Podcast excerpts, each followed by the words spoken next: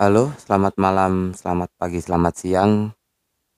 Kapan pun kalian lagi ngedengerin podcast ini. Balik lagi bareng gua Fendi. Dan gua mas sampai sekarang masih bingung mau namain podcast ini podcast apa. Tapi setidaknya gua udah punya opening yang ya menurut gua buat gue sendiri bagus gitu. Mungkin ada saran yang lebih bagus sih daripada selamat pagi, selamat siang. Ya apalah itu ya setid- setidaknya aku mengucapkan salam buat kalian. Eh podcast kali ini gua ngomongin, gua pengen ngomongin tentang kerja, kerja, pekerjaan dan hobi kayaknya. Jadi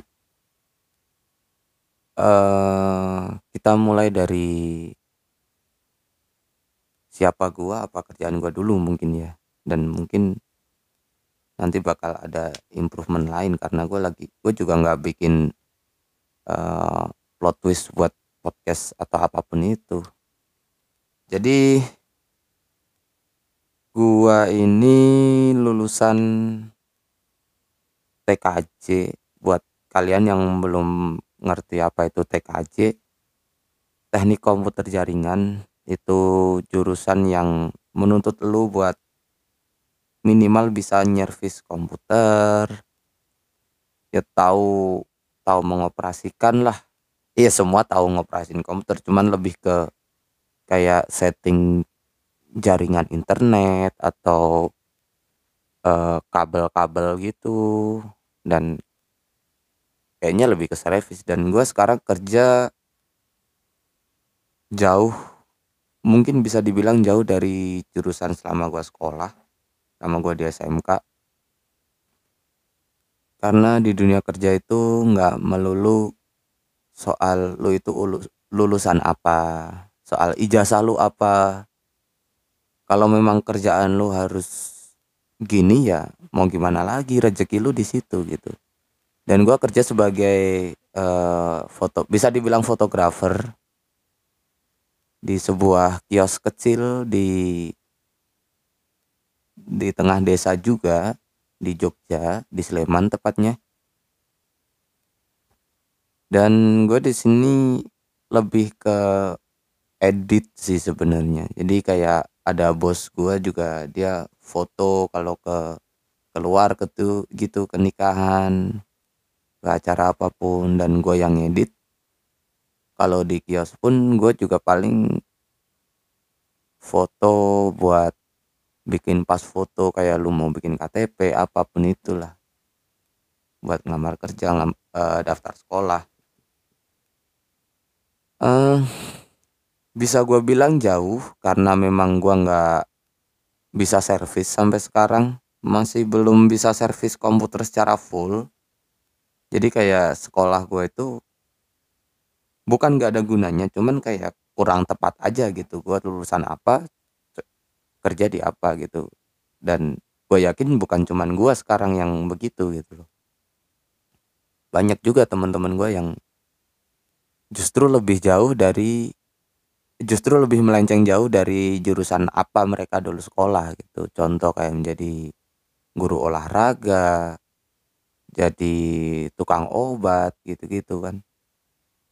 Dan gue masih bersyukur karena sebelum lulus juga gue udah sempat kerja di warnet gitu udah dari kelas 2 mungkin setelah eh, dari PKL selama sebulan dulu gue PKL cuman sebulan nggak tahu kenapa angkatan gue pendek banget PKL-nya eh di warnet sebenarnya diajarin servis gitu. Dan setelah lulus pun gue kerja di warnet tersebut. Ya cuman sebagai operator nggak ngapa-ngapain. Servis juga udah bosnya gitu. Dulu ya. Dan gue cuman lihat kalau disuruh bantu ya gue bantu. Tapi se- sekedar yang gue bisa. Karena emang nggak ada improvement setelah gua lulus terus eh, masuk dunia kerja juga di warnet juga gitu. Dan yang gue cukup bersyukur karena gue bisa mengoperasikan komputer lebih mungkin lebih dari mereka yang satu jurusan nama gue kayak kayak contoh teman-teman gue gitu. Ya memang bukan suatu hal yang bisa dibanggakan tapi gue bisa cari duit dari keahlian itu. Contoh uh, gue ngetik bisa lumayan cepat meskipun pakai tiga jari itu katakanlah seperti itu ya. Dan sekarang pun gue di tempat foto gue dituntut harus bisa ngedit foto.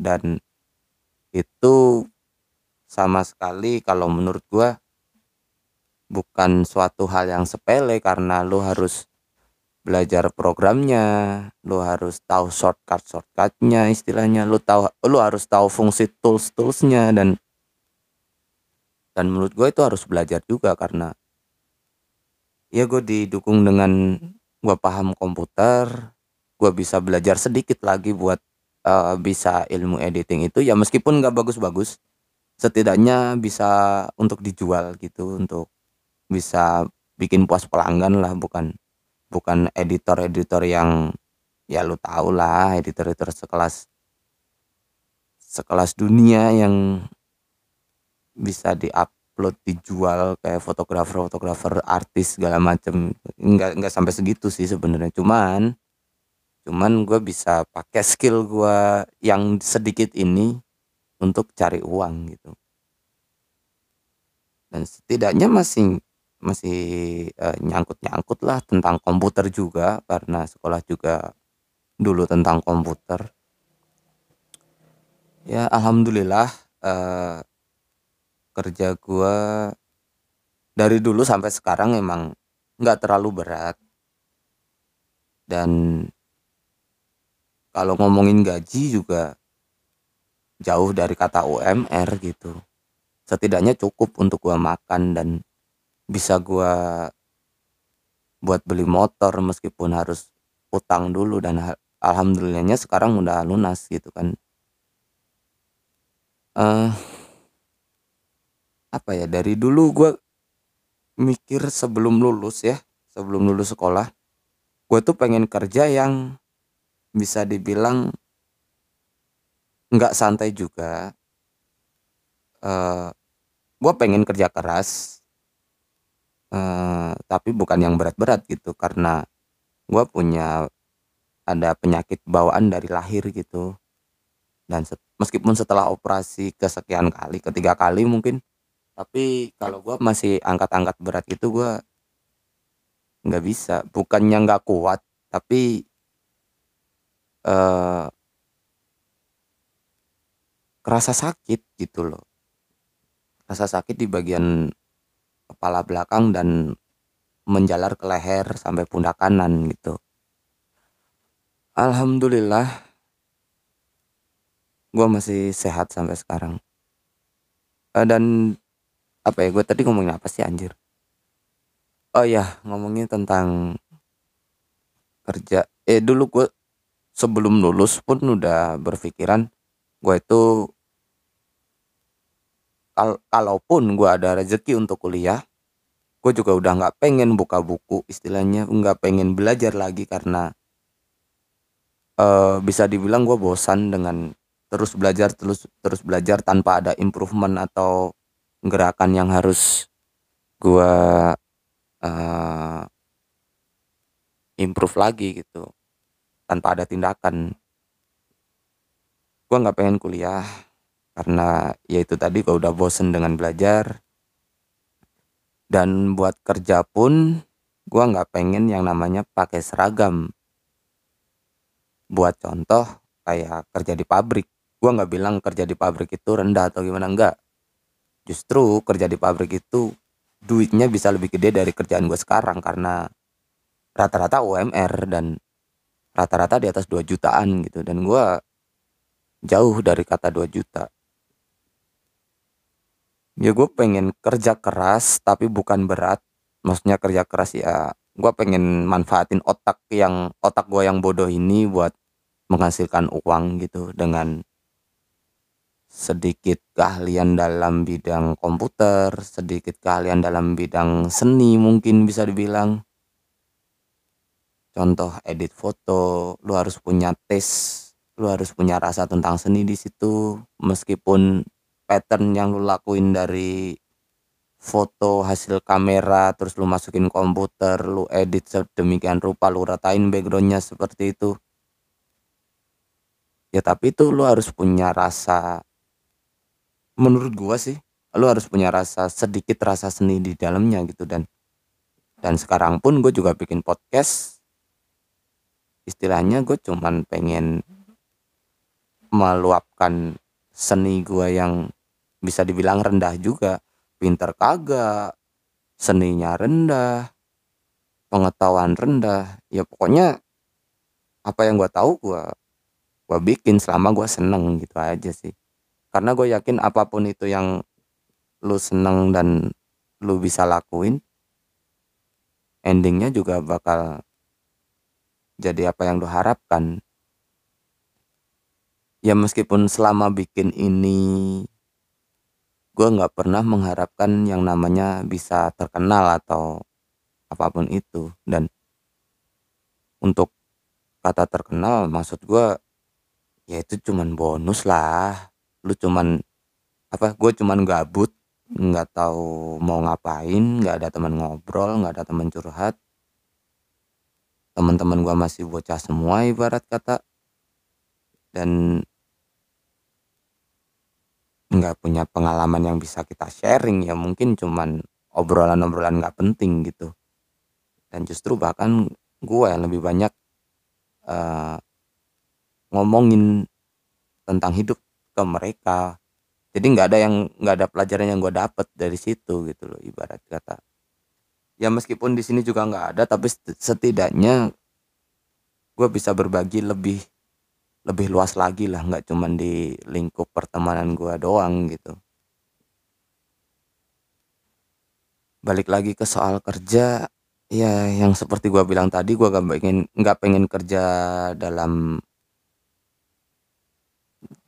bisa dibilang harus pakai seragam, berangkat jam 7 pulang jam 5 sore, terus-terusan di tempat kerja istilahnya.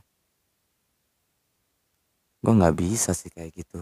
Kayak lu ya kayak balik lagi di masa-masa sekolah sih lu harus berangkat pagi, pulang sore, pakai seragam, gerah istilahnya. Lu nggak bisa tidur siang gitu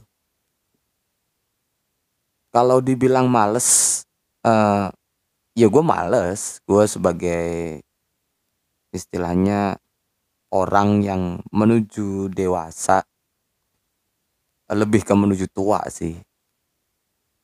Gue masih males gitu orangnya nggak nggak pengen ngapa-ngapain tapi pengen dapet duit. Gimana?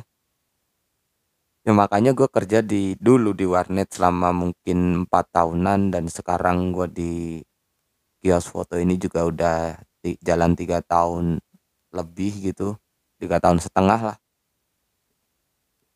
dan gue rasa ya em gue emang bisanya cuman kerja di tempat kayak gini. Maksudnya yang enggak terlalu kejar deadline. Ya deadline deadline ada tapi nggak setiap hari ada deadline gitu kan. Maksud gue ya karena jual jasa sih jadi nggak terlalu gimana gimana gitu. Nggak terlalu padat juga. Kayak musiman lah kalau tempat foto kecil-kecil gini kayak musim pendaftaran sekolah musim kawin eh musim nikah gitu. Jadi ya paling deadline-nya di itu itu doang. Selebihnya gue cuman jagain kios doang. Ada orang datang gua layanin gak ada orang gua rebahan. Mau ngapain? Rebahan ngegame. Dan ya gue cukup nyaman. Apa ya kalau bisa dibilang kalau gua prinsip gua kerja itu gua nggak pernah kerja itu nggak pernah mandang berapa gajinya apa kerjaannya sebenarnya. Asalkan gua di situ nyaman gitu. Dan bisa dibilang gue nyaman sih di sini. Ya gimana gak nyaman orang bosnya baik sekitaran gue bersahabat mendukung gitu. Dan bisa dibilang uh, kalau istilah orang Jawa bilang ngandani uh, lebih ke ngasih tahu kalau apa yang gue lakuin itu salah gitu dan gue yakin uh, gimana ya mereka mau ngomong kalau gue salah itu gue yakin mereka itu care sama gue gitu. Mereka peduli sama gue biar biar gue lebih betah di sini biar gue bisa jadi lebih baik. Dan alhamdulillah sekarang gue bisa beli gue udah beli motor gue beli HP beli alat recording ini. Ya meskipun dengan gaji yang ya jauh lah dari kalian-kalian mungkin. Sorry cuy ngabisin sebat dulu sayang. Uh, menurut gue ya kalau misalkan gue kerja di bawah tekanan yang seperti yang gue bilang di awal tadi. Pakai seragam berangkat pagi pulang sore. Lu nggak bisa rebahan. Mungkin ada sebagian banyak sih banyak dari uh, kita uh, banyak dari orang-orang di luaran sana yang lebih nyaman dengan dapat gaji gede meskipun di bawah tekanan gitu ada banyak. Ya nggak ada salahnya juga mereka ingin memperbaiki hidup mereka yang bisa le bisa lebih baik lagi bahkan lebih baik dari gua gitu. Tapi kalau gua mikirnya gua lebih seneng kalau gua bisa kerja dan sama-sama bisa menghasilkan istilahnya bisa dapat motor katakanlah. Tapi gue juga seneng di situ. Ada sebagian hobi gue dari sebagian dari hobi gue yang bisa gue luapin ke kerjaan gue ya gue bisa lebih seneng lagi gitu. Gue bisa lebih bahagia lagi dengan apa-apa yang meskipun meskipun menurut gue serba kekurangan. Yang nggak kurang juga sih gue juga alhamdulillah punya kerjaan ini dengan gaji segini gitu. Di sini maksud gue di tengah kampung gitu karena jarang-jarang di kampung bisa satu juta lebih lah. Tapi ya nggak nggak sampai UMR sebenarnya. Cuman cukup cukup buat beli makan beli rokok beli HP beli jodoh. Anjing jodoh. Enggak lah bukan jodoh iya. Ya ya gitu deh maksud gue uh, lu seneng pertama kalau emang lu nggak seneng dari kerjaan lu itu setidaknya senangi dulu pekerjaanmu sekarang gitu.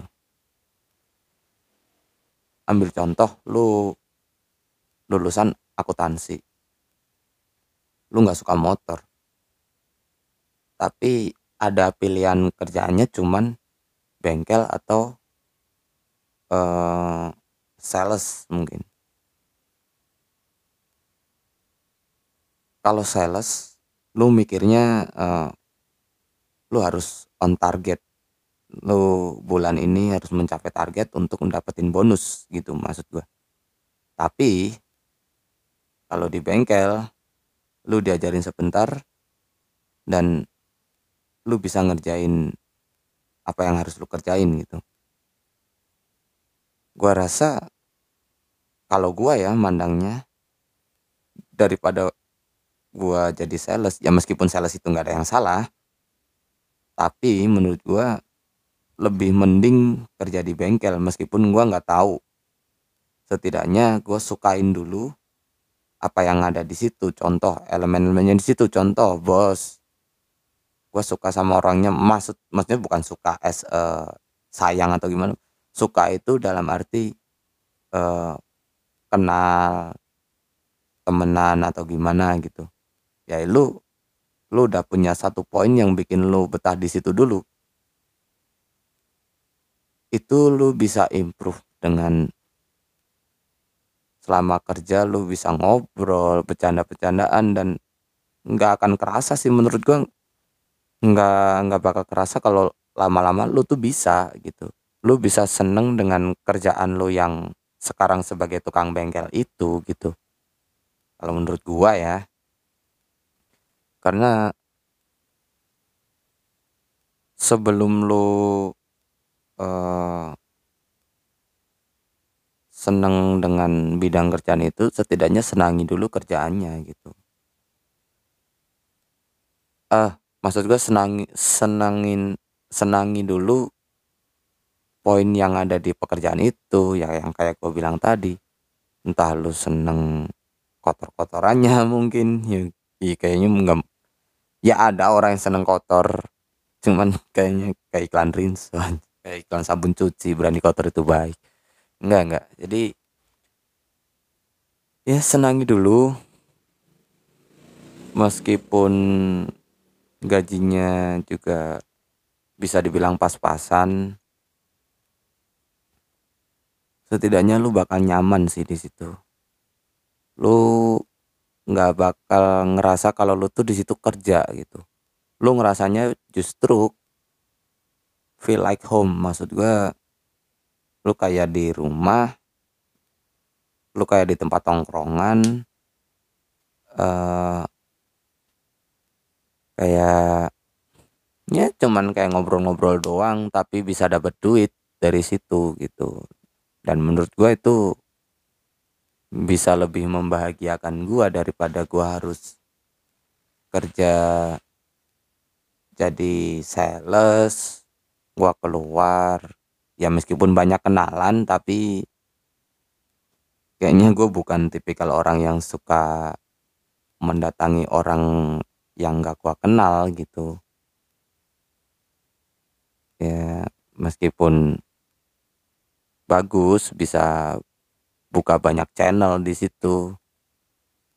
Tapi ya tetap pokoknya tetap semangat aja lah buat kalian yang lagi kerja uh, meskipun kalian nggak seneng dengan Eh, nggak seneng dengan suasana apa nggak seneng dengan bidang pekerjaanmu itu setidaknya cobalah untuk menyukai itu gitu. Cobalah untuk menyukai kerjaan lu sekarang. Karena gue yakin kalau lu udah suka juga nggak ada beban buat ngelakuin itu gitu loh. Uh, kayak apa ya kalau buat kalian yang jadi pengusaha usaha apa itu loh? Uh, usaha apalah itu? Home industry atau ya apalah di rumah pokoknya bisa hasilin duit. Gue yakin bukan karena tekanan sebenarnya tapi karena emang lu suka kan sebenarnya. Suka lu suka usaha atau ambil contoh lu dagang lu suka suka jual beli gitu. Tuh lu nggak bakal apa ya namanya ya emang mikirin untungnya harus ya biasa lah kalau orang orang usaha itu harus punya untung kalau nggak punya ya ngapain lu usaha gitu kan. Jadi setidaknya lu suka dulu kan dan lu nggak bakal ngerasa tertekan gitu. Dengan usaha lu yang mungkin lagi di bawah. Gua gua yakin lu nggak bakal tertekan. Ya meskipun ada masa di mana lu itu uh, istilahnya mikir kok gini amat usaha gua gitu.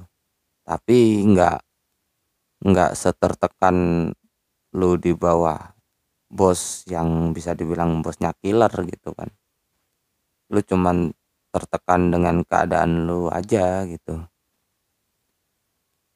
tapi gue yakin endingnya juga bakal bahagia sih karena apa pun itu yang didasari dengan suka dan nyaman endingnya tetap bahagia sih menurut gue jadi lakukan aja dulu mulai aja dulu. Mulai aja selangkah lebih depan depan selangkah lebih maju buat tahu lu itu bakal jadi apa nantinya. Karena kalau lu nggak nyoba dari sekarang khususnya buat teman-teman yang baru lulus atau teman-teman yang bingung lagi cari kerja mulai aja dulu senangi. Meskipun uh, lu ada tekanan di dalam kerjaan lu sekarang atau lu lagi ngerasa gak nyaman? Setidaknya nyamanin diri lu sendiri dulu bertahanlah. Kalau emang nggak bisa bertahan ya carilah kerja yang menurut menurut kalian bisa bikin nyaman gitu. Entah apa pun itu kerjaannya.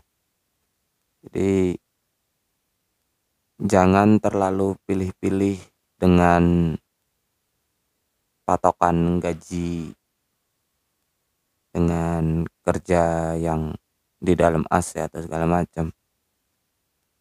Karena kita nggak tahu gitu. Kita nggak tahu uh, kita itu nyaman apa enggak di situ. Meskipun lu di tempat AC istilahnya meskipun di dalam ruangan di tempat ber AC dan gajinya gede tapi kalau lu nggak merasa nyaman di situ,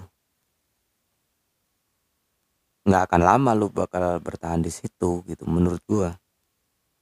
Karena nyaman itu nggak bisa ditawar dan nggak bisa dibikin juga. Maksudnya dalam dalam hal, hal pekerjaan bukan beda cerita kalau hal percintaan. Gue nggak bakal ngomong percintaan karena gue nol besar soal percintaan. Jadi uh, nyaman dalam hidup itu sebenarnya relatif tergantung gimana kalian mikir dan kalau di bidang pekerjaan nyaman itu bisa gue bilang bukan hal yang bisa ditawar karena banyak faktor yang bikin yang bisa bikin lu nggak nyaman dan nggak betah di kerjaan itu gitu. Banyak sekali hal banyak sekali faktor. Entah itu faktor dalam maksudnya dalam pekerjaan lu atau faktor dari luar pekerjaan lu contoh teman-teman lu gitu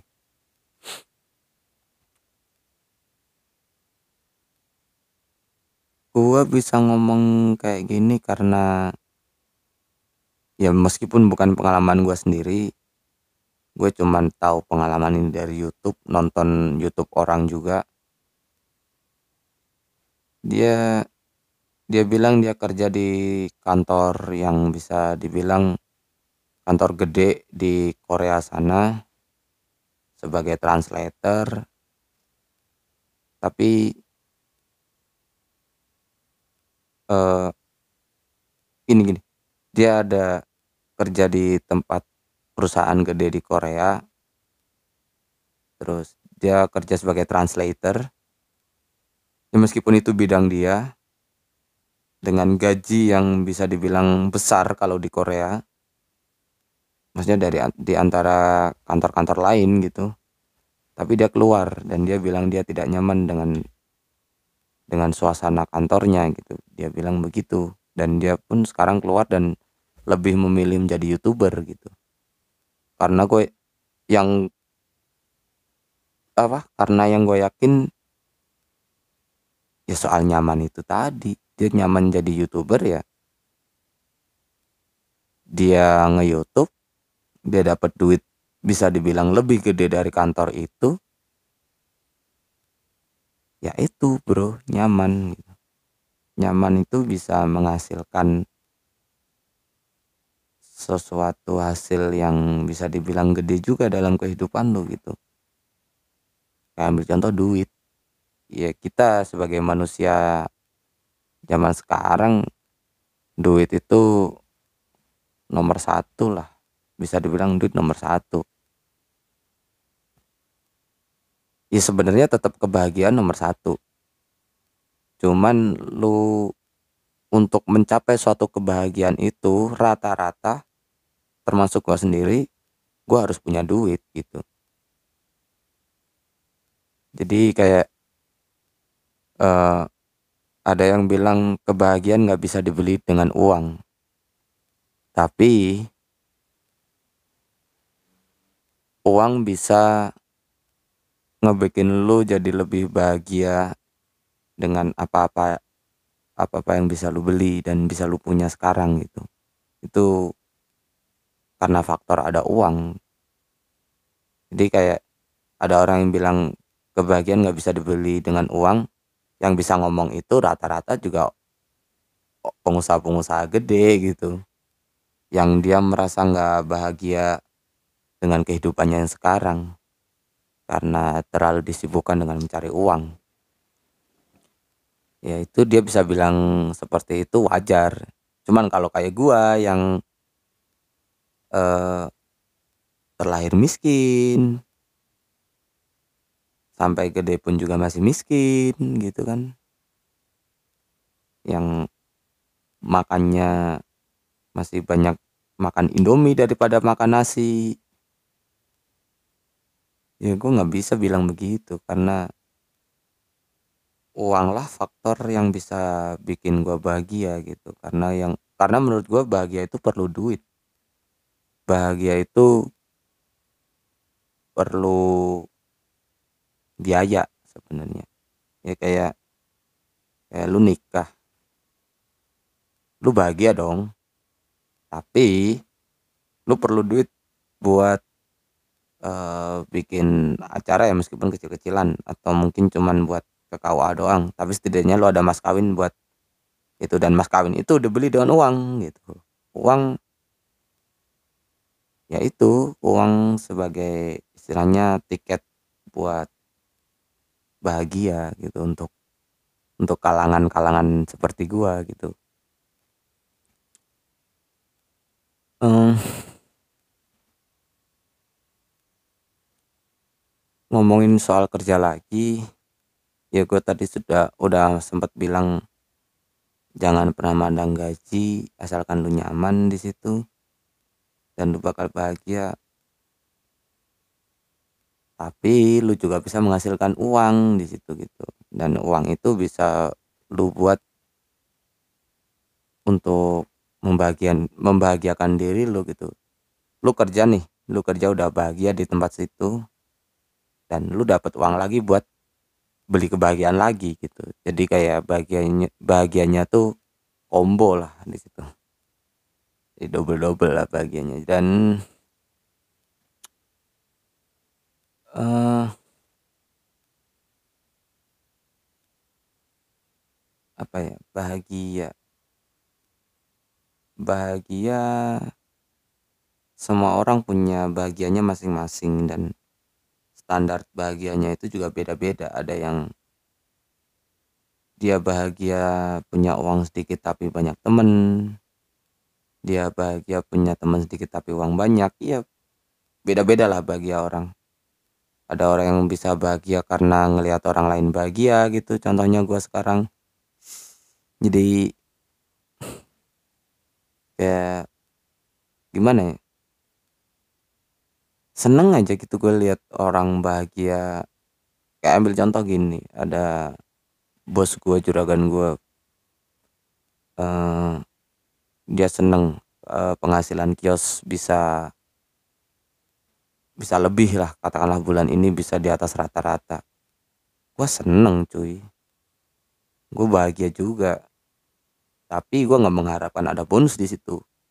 Maksud gue ya bahagia aja gitu nggak ada nggak ada yang pengen diminta dari kebahagiaan beliau.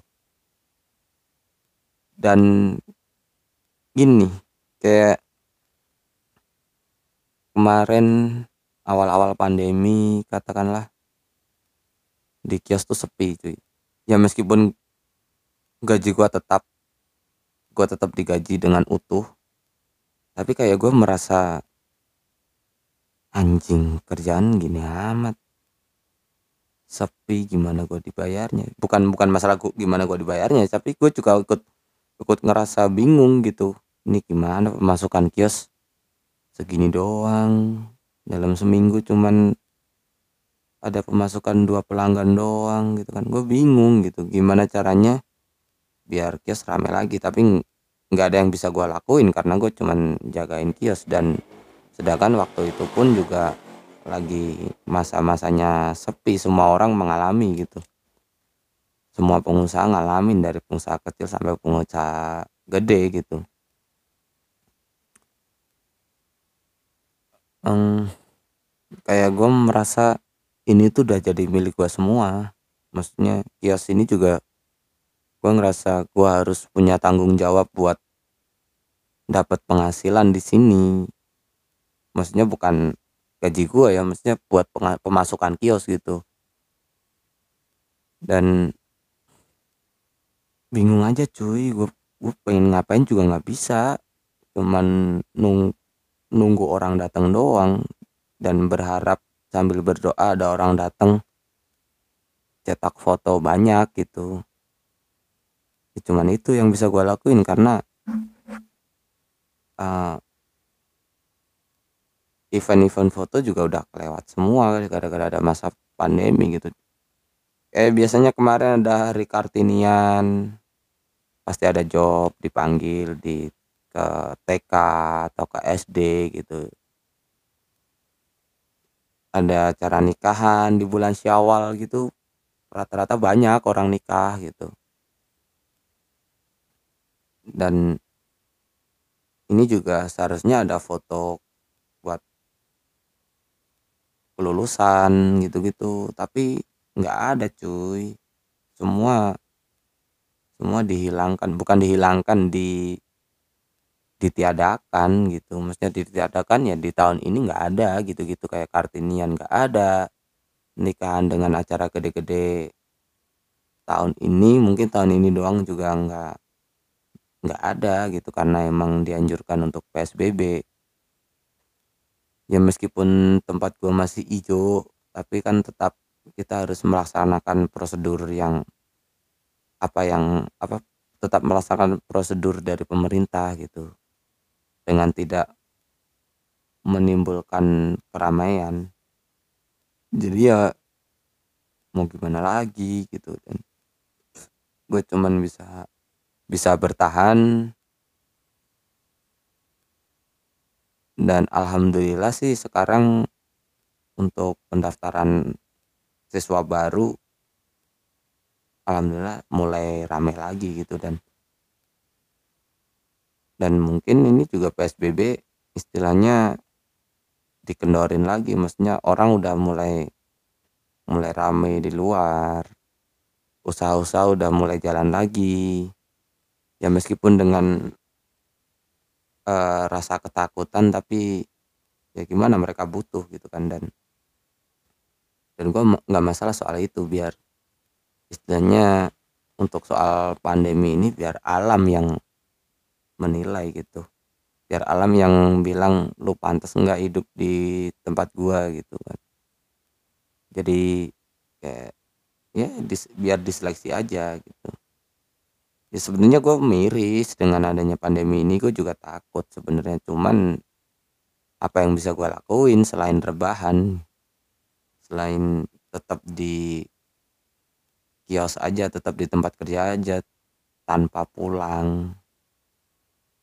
Sebenarnya sayang banget ngelewatin uh, momen lebaran yang di mana lebaran itu gue bisa libur paling panjang ya setidaknya cuma lima hari sampai paling panjang seminggu lah. Tapi nggak bisa gitu. Meskipun gue ada pilihan buat balik ke Ngawi atau ke tempat orang tua gue yang di Solo tapi kayaknya nggak dulu deh. Ya biar gua nunggu semua udah mulai aman aja dulu baru gua balik kayaknya. Jadi mungkin juga gua nggak bakal balik. Gua belum belum pengen balik ke Ngawi dulu karena Jawa Timur lagi merah-merahnya bahkan sampai hitam.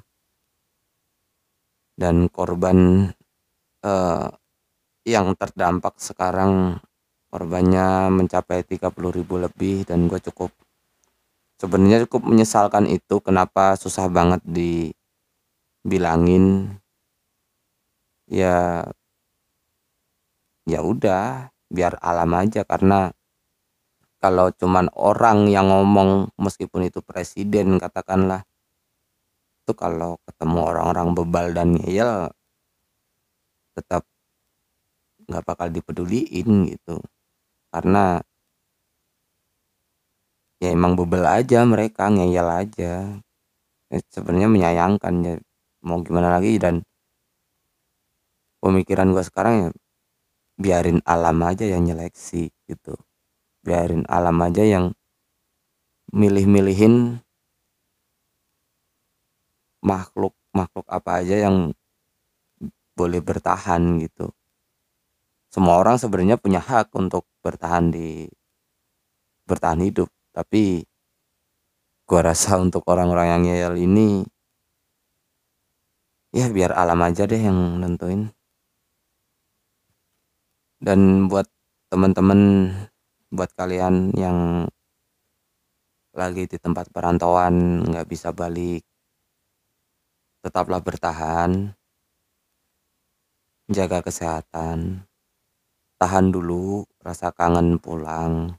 Sama gue juga pengen pulang pengen ketemu orang tua. Ya meskipun nggak ngapa-ngapain nantinya di sana ya, setidaknya melepas rindu aja sama orang tua. Gitu maksud gue dan tetaplah bertahan di tempatmu sekarang.